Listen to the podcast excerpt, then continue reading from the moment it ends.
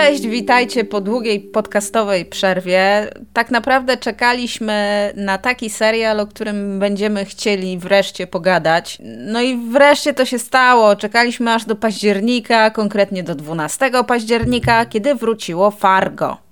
Nasz najdłuższy podcast, który do tej pory zrobiliśmy, był o True Detective 2. O antologii. No i tutaj znowu mamy antologię Fargo 2 i to są takie dwa y, seriale, które były podawane jako właśnie takie idealne przykłady właśnie antologii.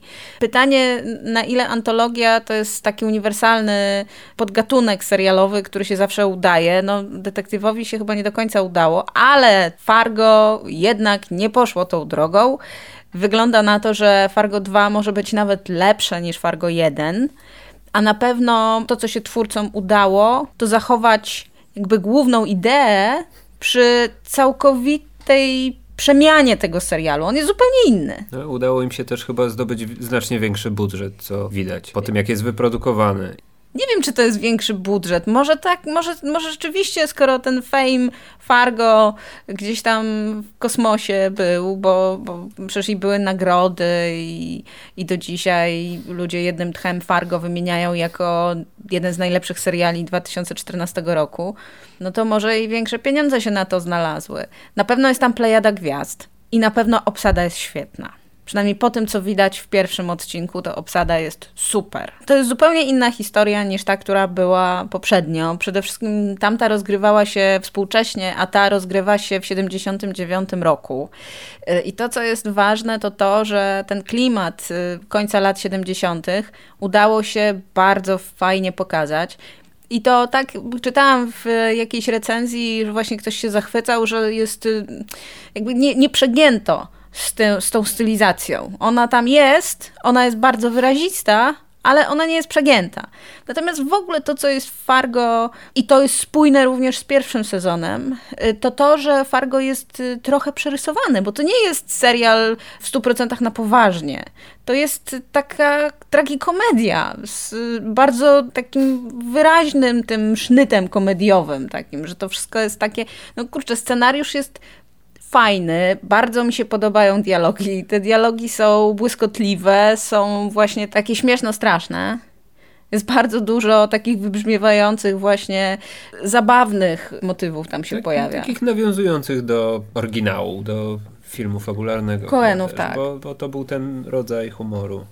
Fajne jest też to, że y, rzeczywiście można oglądać Fargo 2 jako całkowicie nowy serial, bo można. Można z marszu zacząć oglądać y, mhm. ten sezon, nie znając poprzedniego. Natomiast ci, którzy znają poprzedni, ucieszą się, ponieważ poznają też y, historię, która doprowadziła do pewnych rzeczy w serii pierwszej. Czyli to jest tak jakby prequel pierwszego sezonu, ale nie jest aż tak bardzo związany fabularnie. No wiesz, przede wszystkim głównym bohaterem jest Lou Solverson, młody Lou Solverson, który w Fargo 1 był po prostu ojcem głównej bohaterki.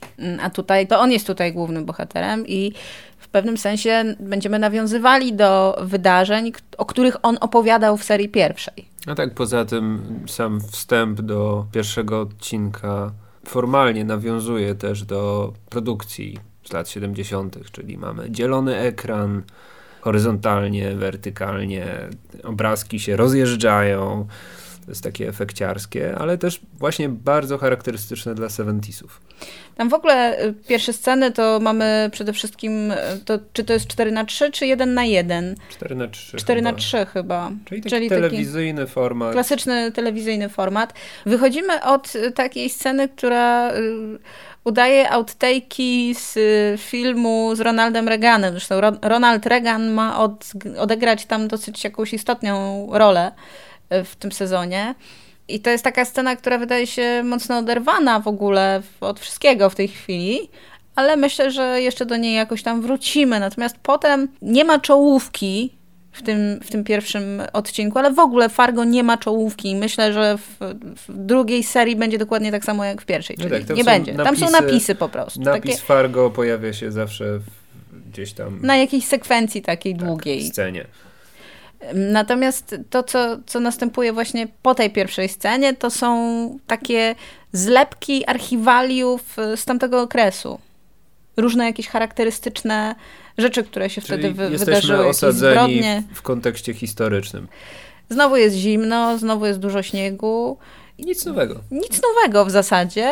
I w zasadzie opowieść, która się rozpoczyna w tym pierwszym odcinku, też nie jest jakaś szczególnie nowa, dlatego że Fargo jest o przemocy, o tym, jak rodzi się zło, ale takie bezsensowne zupełnie zło.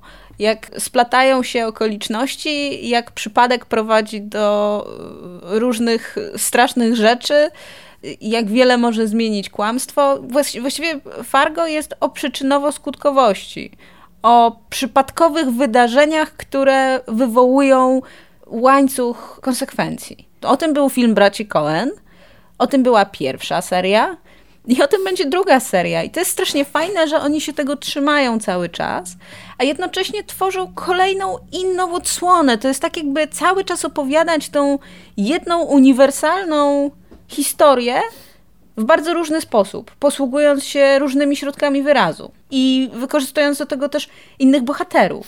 Ale cały czas tak naprawdę Fargo jest o tym. Wiesz, może nie będziemy y, tak za bardzo wchodzić w y, kwestie fabularne, historię, która jest tutaj opowiadana. Tutaj mogą się pojawić spoilery, uwaga. Tam jest parę takich rzeczy, które pozostaną takimi zagadkami dla widza, które z pewnością zostaną rozwiązane później. E, Jest to między innymi też znany nam z promosów e, tego drugiego sezonu but zawieszony na drzewie. Nie wiemy skąd się tam wziął. Natomiast mamy też. Słuchaj, czy, tam, czy mi się wydawało, czy to było UFO, czy to był helikopter, czy co to było? Czy to były zwidy tego No e, dobra, to głównego może bohatera? To ja przytoczę tą, ten dialog, który y, się odbył po, po tym, bo ty powiedziałeś, ojej, i tam było UFO, a ja powiedziałam, jakbyś dostał kosę w kręgosłup, to też byś zobaczył UFO. Bo to mniej więcej, znaczy ja to mniej więcej tak odbieram. Nie wiem, czy to były jakieś, y, czy to nawiąza- nawiązanie do The X-Files, które powraca.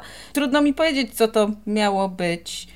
Czy to nawiązanie do ostatniego odcinka pierwszej serii Detektywa, kiedy też były jakieś nadnaturalne cuda? Wiesz, to może być też nawiązanie do ostatniego odcinka Dynastii, gdzie e, pojawiło się UFO, które porwało Falon z powrotem, bo ona była porwana, później wróciła.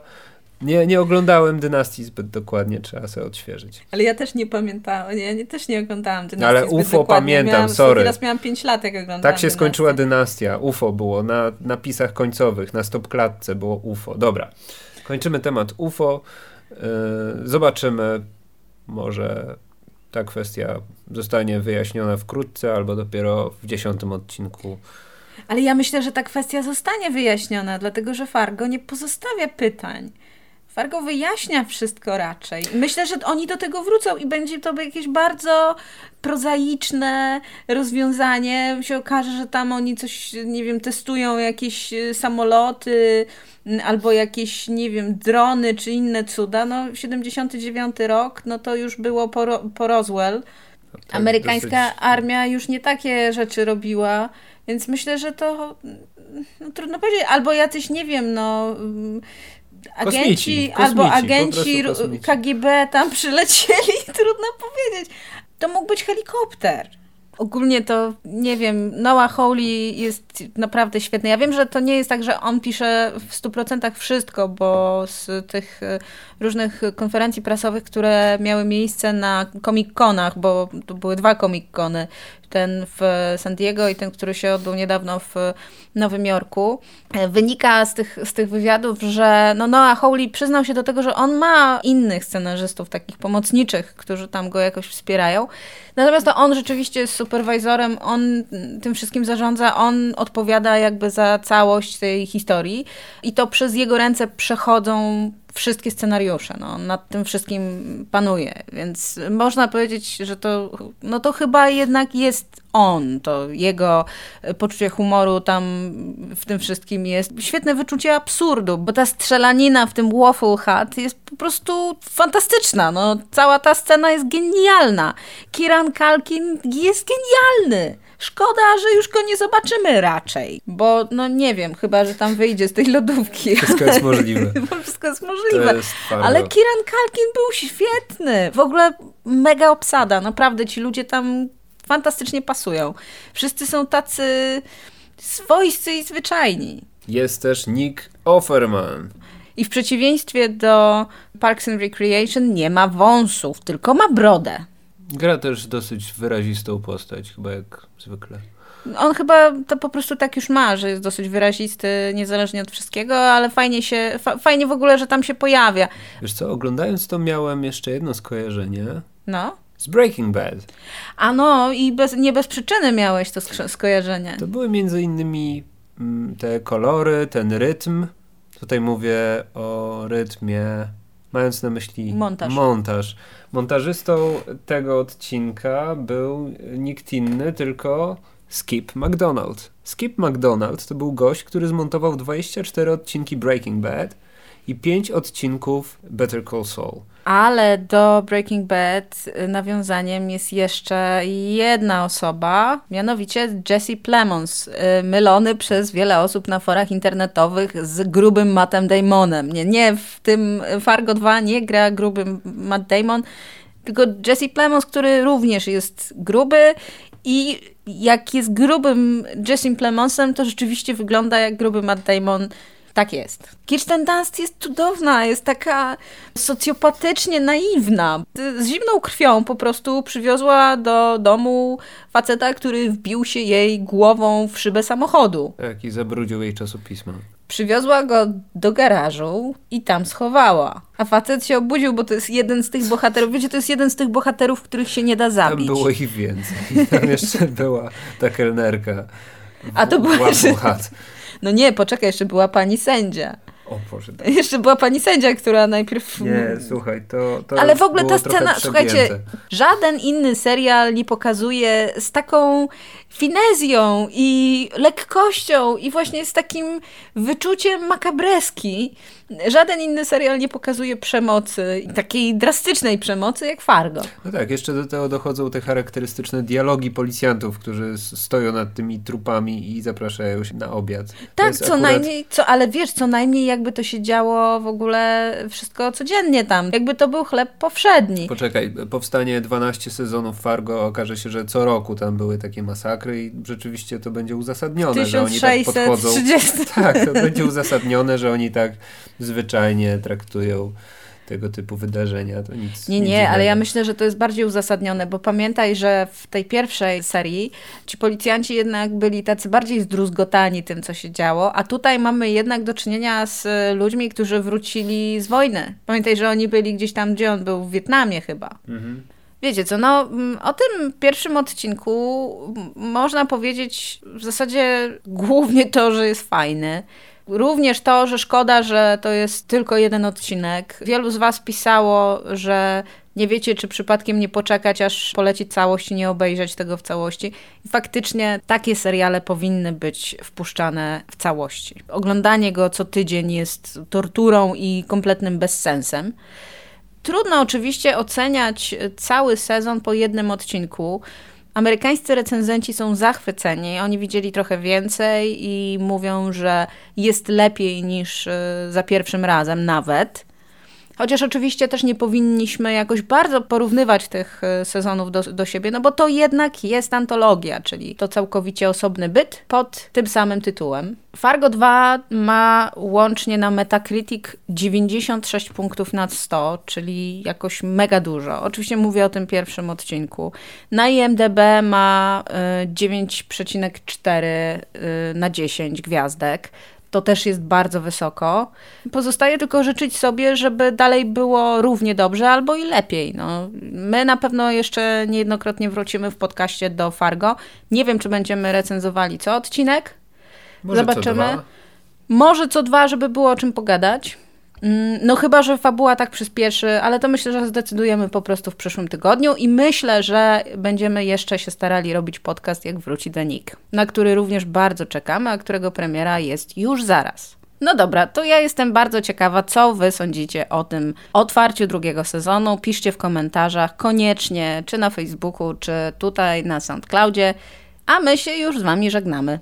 Ping. Ping. Ping.